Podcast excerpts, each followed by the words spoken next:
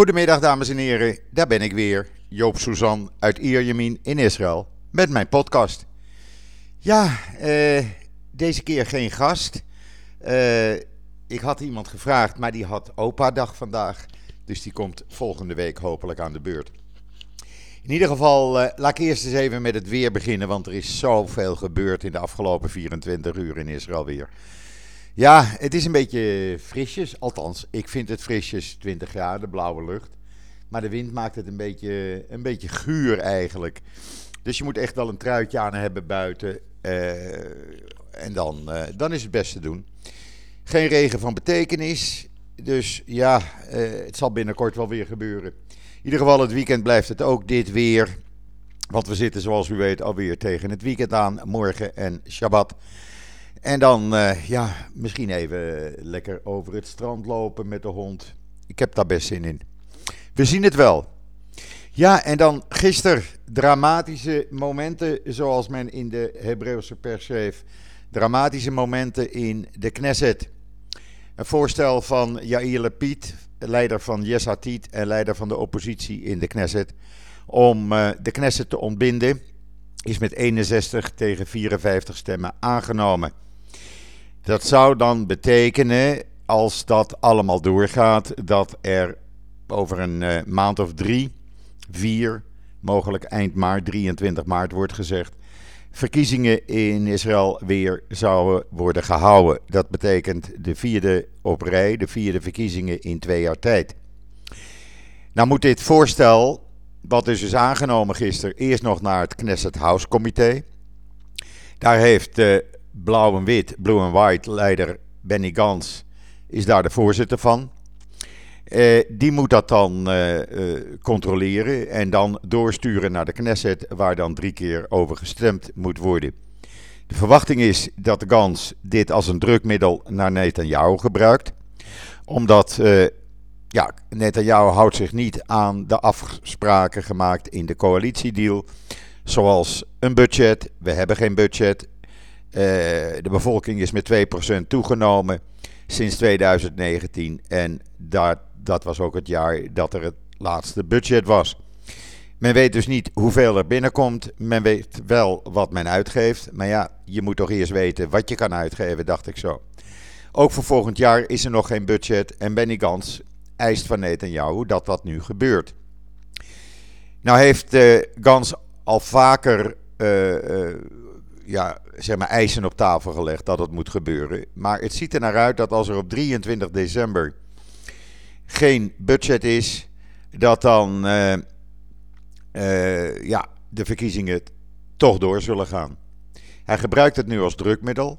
Daarnaast, naast het uh, niet hebben van een begroting, in Israël heeft Netanyahu al laten blijken dat hij zich niet wil houden aan de afgesproken relatieovereenkomst, waarbij Gans volgend jaar oktober premier zou worden en Netanyahu zou aftreden. Dat heeft alles te maken met het komende proces eh, tegen Netanyahu vanwege drie corruptie- en fraudezaken. En hij probeert uit alle macht om uh, ja, zeg maar dat proces te voorkomen. En wil dus premier blijven zolang hij premier is. Denkt hij dat hij veilig zit. Uh, hij probeert ook, is het verhaal in de Hebreeuwse pers om volgend jaar zich beschikbaar te stellen, eventueel als president. Rivlin treedt af in juni. En dan uh, moet er een nieuwe president worden gekozen voor zeven jaar. Voor Netanyahu zou dat handig zijn, want dan is hij zeven jaar onschendbaar en kan hij niet uh, veroordeeld worden en de gevangenis in.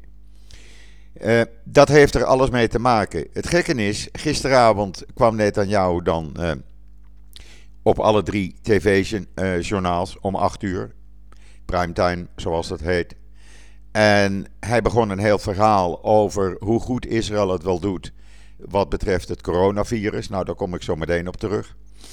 En dat de hele wereld uh, de, de manier waarop Israël het doet over wil nemen. Dat hij gebeld wordt door de premier van Japan en van Australië. En door weet ik veel wie allemaal. Maar uh, niets over het feit dat uh, er geen begroting is voor dit jaar en volgend jaar. Niets over zijn niet nakomen van de afspraken om volgend jaar het premierschap te roleren met Gans. Er werd wel naar gevraagd door journalisten aan het eind van zijn persconferentie, maar hij ging daar niet op in. Ja, dat, dat zet natuurlijk kwaad bloed, laat ik het zo maar zeggen. Wat betreft het coronavirus, het gaat niet goed in Israël. Uh, men vraagt zich zelfs af uh, wanneer de lockdown uh, gaat beginnen. Want de derde coronavirusgolf zou nu zijn begonnen. En waarom? Nou, er zijn gisteren zo'n 69.000 mensen getest. 2,2% bleek het virus bij zich te hebben. Oftewel 1523 nieuwe besmettingen. Dat zijn er ruim 300 meer dan op dinsdag. Uh, er zijn nu voor het eerst sinds oktober weer royaal boven de 10.000 actieve besmettingsgevallen in Israël. 11.751 vanmorgen dan om 9 uur. 539 mensen liggen in het ziekenhuis. 267 daarvan in ernstige toestand en 99 van hen zijn weer aangesloten op beademing. Dat gaat dus niet goed. En waarom gaat dat dan weer niet goed? Omdat er weer dezelfde fout is gemaakt als tijdens uh, de, tweede lock, oh, de eerste lockdown. Men had een negen stappenplan opgesteld. Uh, eigenlijk was dat opgesteld door allerlei experts. Het coronaviruskabinet onder leiding van Netanyahu zegt: Oké, dat gaan wij doen. Uiteindelijk zijn er van die negen stappen drie overgebleven en wordt alles versneld opengegooid. Uh, middelbare scholen zijn begonnen, straatwinkels waren al open. Nu zijn ook winkelcentra die niet overdekt zijn open en 15 overdekte shoppingmalls sinds verleden week om te kijken hoe dat gaat. Nou, dat gaat dus helemaal niet goed, want als je de beelden ziet op tv, eh, s'avonds, dan zie je dat die shoppingmalls, daar staan mensen, hutje naar mutje. Ja, en dat is natuurlijk de manier om het virus eh, weer te verspreiden. Dus dat gaat gewoon niet goed. En het lijkt erop dat we tijdens Hanukkah, of misschien net na Hanukkah, opnieuw te maken zullen krijgen in Israël met beperkingen. En daar zit echt niemand op te wachten. Uh, dan is er ook nog het verhaal van het virus, waar uh, de regering zo trots op is dat het vaccin uit Amerika hier naartoe komt van Pfizer. En ook van Moderna en ook uh, allerlei andere vaccins. Terwijl ondertussen Israël ook aan een eigen vaccin werkt. En wat zeggen nu experts? U kunt het lezen op joods.nl vandaag. Die zeggen, experts hier in Israël. Luister, die, uh, het is wel mooi die uh, vaccins die uit Amerika komen van Pfizer en Moderna. Maar hou er rekening mee, daar moet je twee keer mee worden ingeënt binnen drie weken. Uh, ze zijn niet uitvoerig getest. Mensen zijn, die het vaccin hebben toegediend gekregen, zijn ongeveer een maand gevolgd. Daarnaast dringt dit vaccin je gen binnen, je cellen binnen. En niemand weet wat dat vaccin over een paar jaar of over een jaar met je cellen gaat doen. Het verschil met het Israëlische vaccin is dat dat vaccin een soort panzer om de cellen legt. Uh, en voordat het op de markt komt, dat zal eind mei zijn, volgend jaar, begin juni, uh, is het al negen maanden bij vrijwilligers getest. Uh, dus dat werkt wat veiliger en je hoeft er ook niet twee keer mee ingeënt te worden. Ik had het toevallig vanmorgen met iemand erover. En ik zeg, nou, als ik dat allemaal lees en volg, dan ja, weet ik nog niet zo zeker of ik mij wel ga laten inenten met die buitenlandse vaccins. Ik denk dat ik misschien een halfjaartje me dan nog maar in beperkingen hou. Kan er dan ook nog wat bij. En dan uh, wachten totdat het Israëlische vaccin klaar is. Aan de andere kant hebben gisteren uh, andere Israëlische experts en farmaceuten gezegd. We hebben helemaal geen uh, nieuwe vaccins nodig. We hebben ze namelijk al. We hebben ze namelijk al. Ja, er zijn een heleboel bestaande medicijnen die je eigenlijk zo zou kunnen gebruiken om tegen het coronavirus. daar is een hele lijst van gemaakt. En uh, ja, het zou best kunnen zijn dat die mensen daar gelijk in hebben. Ondertussen blijkt uit een nieuw onderzoek, wat u op joods.nl kunt lezen, dat sinds de coronapandemie is uitgebroken, er in Israël een, ernst, een verscherpte en verhoogde piek is in angst en depressies bij uh, de bevolking. Het ligt bijna op 1 op 3, 29 procent heeft daar nu last van en dat is vrij hoog. In, tijdens de eerste lockdown, of na de eerste lockdown, was dat nog 23 procent. en in 2018 had slechts 1 op de 10, 12 procent uh, last van angst of depressies. Dat is een uitgebreide studie geweest van allerlei universiteiten hier in Israël. Vooraanstaande universiteiten. U kunt het lezen op joods.nl. ja, en dat zal toch in Nederland dan ook wel zo zijn, denk ik zomaar. In ieder geval, ja, dat, dat zijn dan bijwerkingen waar je eigenlijk weinig over hoort, om het zo maar eens te zeggen. Uh, maar dat zijn uh, vrij ernstige bijwerkingen, vind ik toch. En nog even terugkomen op de medicijnen die we al hebben. Wat zeggen die experts namelijk? Die zeggen van waarom, waarom allerlei vaccins gaan uitvinden. We hebben voor miljoenen dollars medicijnen hier liggen. Uh, dat is een, uh, kwam naar voren tijdens een webinar van de Universiteit van Tel Aviv. er zouden zo'n 9000 wereldwijd goedgekeurde medicijnen zijn die je zou kunnen gebruiken voor, tegen het coronavaccin. Dat zijn onder andere medicijnen die nu gebruikt worden voor het controleren van je cholesterol. Als je hoge cholesterol hebt, de behandeling van zweren, hartritmestoornissen, parasieten, erectiestoornissen. Al die medicijnen zouden kunnen werken tegen het coronavirus. Eventueel in combinatie met verschillende medicijnen. Uh, er zijn ook een aantal COVID-gerelateerde aandoeningen die je moet behandelen. Nou, daar zijn ook al eh, medicijnen voor, zoals ademhalingsfalen, hartfalen, bloedingsstoornissen, nierfalen en ontstekingen. Die moet je daarvoor gebruiken, zeggen al deze experts. En ze geven een voorbeeld. Het medicijn tegen maagzweren, famotidine, dat kost ongeveer 5 dollar per maand. Uh, dat is cardiobeschermend, antiviraal. En uh, het heeft, is recentelijk ontdekt, mogelijkheden om het COVID-19-virus te bestrijden. Het was ook een van de medicijnen die Trump in zijn cocktail kreeg toegediend.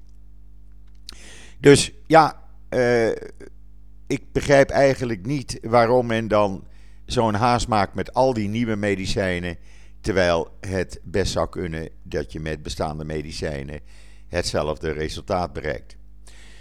Maar goed, ik ben geen dokter. Ik ga af op wat ik lees van experts. En ik acht de Israëlische experts vrij hoog aangeschreven. Ja, en dan is uh, gisteren uh, laat in de middag het eerste nieuwe Saar 6 oorlogsschip, de INS Magen, uh, in Haifa aangekomen vanuit Duitsland. Uh, er was een welkomstceremonie. Het is de eerste van vier schepen. Uh, die zijn speciaal gebouwd voor Israël, naar Israëlische behoeften. De andere schepen heten de INS Os, de Atzmaut en de Nitsaon. En die zullen in de loop van 2021 hier naartoe komen. Uh, die schepen worden gebouwd, of zijn gebouwd, en u kunt het lezen. Er staat ook een mooie video bij op joods.nl. Uh, eh, die zijn gebouwd om, uh, ja, zeg maar, de zeestrijdkrachten die op zee, op de Middellandse Zee patrouilleren en de gasplatforms beschermen en tegen terroristen de kusten beschermen, om daar beter effectief mee om te kunnen gaan. ze moeten ook de commerciële scheepvaartroutes beschermen. Dat is heel belangrijk, want 98% van alles wat in Israël in de winkels ligt, wat geïmporteerd wordt, dat komt per boot binnen. dus met deze nieuwe raketschepen die dan de vorige Saar 5-klasse schepen gaan vervangen. Die zijn al 30 jaar oud. Uh, hebben we nu 15 schepen die allemaal raketten bezitten. Deze schepen zijn 90 meter lang. Uh, kunnen een snelheid van ongeveer 24 knopen behalen, zo'n 45 km per uur. En kunnen 2500 zeemijlen, oftewel 4630 kilometer varen zonder aan land te komen. Uh, daarnaast zijn ze uh, ook ontworpen om luchtdreigingen tegen te gaan. Want ze hebben dan 300 statische radararrays voor inkomende luchtdreigingen. Uh, ze, kunnen, ze hebben een Iron Dome systeem aan boord. Raketonderscheppingsinstallaties. Twee Barak 8 batterijen om cruise- en ballistische raketten neer te schieten. Uh, ze kunnen uh, schepen heel makkelijk onders onderscheppen. Ze hebben ook 16 anti-scheepsraketten bij zich. Nou ja, het is een uh, ultramodern schip die voldoet aan de huidige en nog komende cyber- en elektronische oorlogsuitvoeringen. Of oorlogsvoeringen moet ik eigenlijk zeggen. Uh, ze zullen ook worden bijgestaan door natuurlijk de nieuwste marinehelikopters, maar ook door drones. En voor het eerst zullen deze nieuwe raketschepen een gemengde bemanning hebben. 25% van de bemanningen zullen vrouwen zijn. Zo ziet u maar weer, Israël uh, zorgt goed voor de beveiliging. En dan, uh, ja, Dubai, uh, Israël, Emiraten, Bahrein. Het gaat allemaal geweldig. Er is gisteren een akkoord getekend met Bahrein over toerisme. Er komen vluchten uit Bahrein nu een paar keer per dag binnenkort. Men gaat samenwerken met Bahrein op allerlei toeristengebieden. Van de week is de eerste Israël Air vlucht, een chartervlucht, met 170 toeristen naar Dubai gevlogen. Die gaan nu elke dag. En El Al gaat vanaf 13 december uh, eh, 14 keer per week van Tel Aviv naar Dubai en terugvliegen. Ja, terwijl de wereld zich bezighoudt met allerlei andere onbenullige zaken, zoals wij dat noemen, of zoals ik dat dan noem, gaat dat hier in Israël allemaal gewoon door. En ja, voordat je het weet, ja, het is al eigenlijk normaal, maar eigenlijk ook weer niet. Want als je nou nagaat, die hele vrede met uh, de Arabische landen, dat heeft uh, ja, van, vanaf september loopt dat pas. En we zitten nu al alweer het normaal te vinden dat delegaties uit Israël en de Arabische Emiraten elkaar ontmoeten, bij elkaar op bezoek gaan. Dat er allerlei bedrijven, honderden bedrijven, overeenkomsten met elkaar in de Emiraten afsluiten. Want ja, de Israëlische know-how en de Arabische centjes, zullen we maar zeggen, dat is de beste combinatie en dat weten die Arabieren ook. Dus dat wordt hartstikke mooi. Uh, oh ja, ik vergat te zeggen dat ook Fly Dubai uh, inmiddels uh, heen en weer vliegt. El Al, ja, dat, waar Israël 400 euro rekent voor een retourvlucht en drie nachten in bijvoorbeeld de Hilton of een ander uh, vijfsterren hotel in Dubai. Rekent El Al, als je geen uh, bagage, grote bagage hebt, 300 dollar voor een retourticket. Uh, en dan krijgen we ook nog Etihad Airways. Die gaat vanaf eind, mei, eind maart volgend jaar Tel Aviv en Abu Dhabi met elkaar verbinden. En ook op Eilat vliegen. Nou, het is alweer gewoon, maar ik blijf het buitengewoon vinden. Ja, eh, en ondertussen ja, hebben we natuurlijk die politiek. Daar kom ik weer op het begin eh, terug. Het was gisteren opvallend. En dat, is, eh, dat viel iedereen op eigenlijk. Eh, je hebt hier de gezamenlijke Arabische lijst. En daar zit de Arabische Ra'am-partij, maakt daar deel van uit. Die meneer Mansour Abbas, en dat is geen familie van de Palestijnse leider, zover ik weet. die kreeg allerlei cadeautjes van Netanyahu in de schoot geworpen. En die heeft gezegd, nou weet je wat, dan ga ik jou steunen. Jij geeft ons zoveel cadeautjes voor de Arabische gemeenschap, ik ga jou steunen. Dat is natuurlijk een heel ander verhaal als een paar jaar geleden in 2015, toen Netanyahu riep van ga allemaal stemmen, want de Arabieren komen in drommen naar de stembus. Hij weet precies wanneer hij Arabieren nodig heeft en wanneer hij ze niet nodig heeft. En dan nog even over Nederland. Want Nederland, ja, het spreekt toch wel een woordje mee hoor. Gisteren waren er vijf resoluties in uh, de uh, Verenigde Naties. En uh, tegen Israël. Tegen geen enkel ander land waren de resoluties ingediend. Niet tegen de Saudi-Arabië, niet tegen Irak, niet tegen China voor de Mongolen, niet tegen, nou ja, noem maar op, welk land dan ook. Nee, Israël. En wat doet Nederland? Nederland heeft van harte meegestemd en voorgestemd op twee resoluties uh, die Israël van alles en nog wat beschuldigen. U kunt het op mijn Twitter-feed uh, zien. Uh, ik, vind dat, ja, ik vind dat ongehoord. Nederland, die altijd Israël steunde, waarvan de Tweede Kamer kort geleden nog een motie heeft aangenomen. Die weliswaar niet bindend was, maar waarbij de regering van meneer Rutte werd gevraagd: van jongens, hou nou toch eens een keer op met het anti-Israël stemmen. Stem nou toch eens een keertje voor.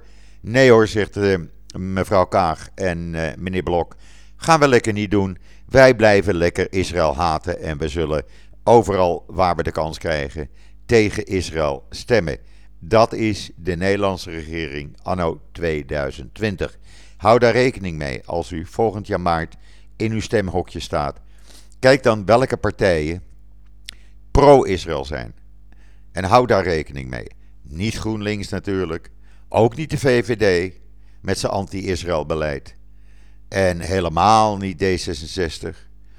Uh, u moet het zelf maar uitmaken. Ik ga u geen verkiezingsadvies geven, want daar ben ik niet voor. Uh, uh, vind ik niet mijn plaats.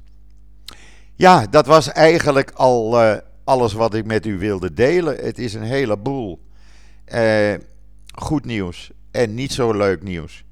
Maar goed, het is de waarheid en de realiteit zoals die is in Israël en in Nederland. En uh, ja, dan moet dat naar buiten gebracht worden. Rest mij u nog alle, een hele fijne voortzetting van deze donderdag 3 december toe te wensen. Alvast een hele fijne Sinterklaasavond. Uh, laat de pieten maar komen, zou ik zeggen. Hou het gewoon lekker gezellig ouderwets. Uh, ik vind het jammer, wij hebben dit jaar uh, geen Sinterklaas-intocht hier in Israël. Vanwege de corona. Normaal gesproken, ik ben zelf al een paar keer Zwarte Piet geweest. Is dat toch geweldig. Maar goed, helaas. Het is niet anders. Geniet van Sinterklaasavond. Heb een heel fijn en veilig weekend. En ik zeg alvast Shabbat Shalom vanuit Israël. En wat mij betreft ben ik er maandag weer. Dus tot ziens. Tot maandag.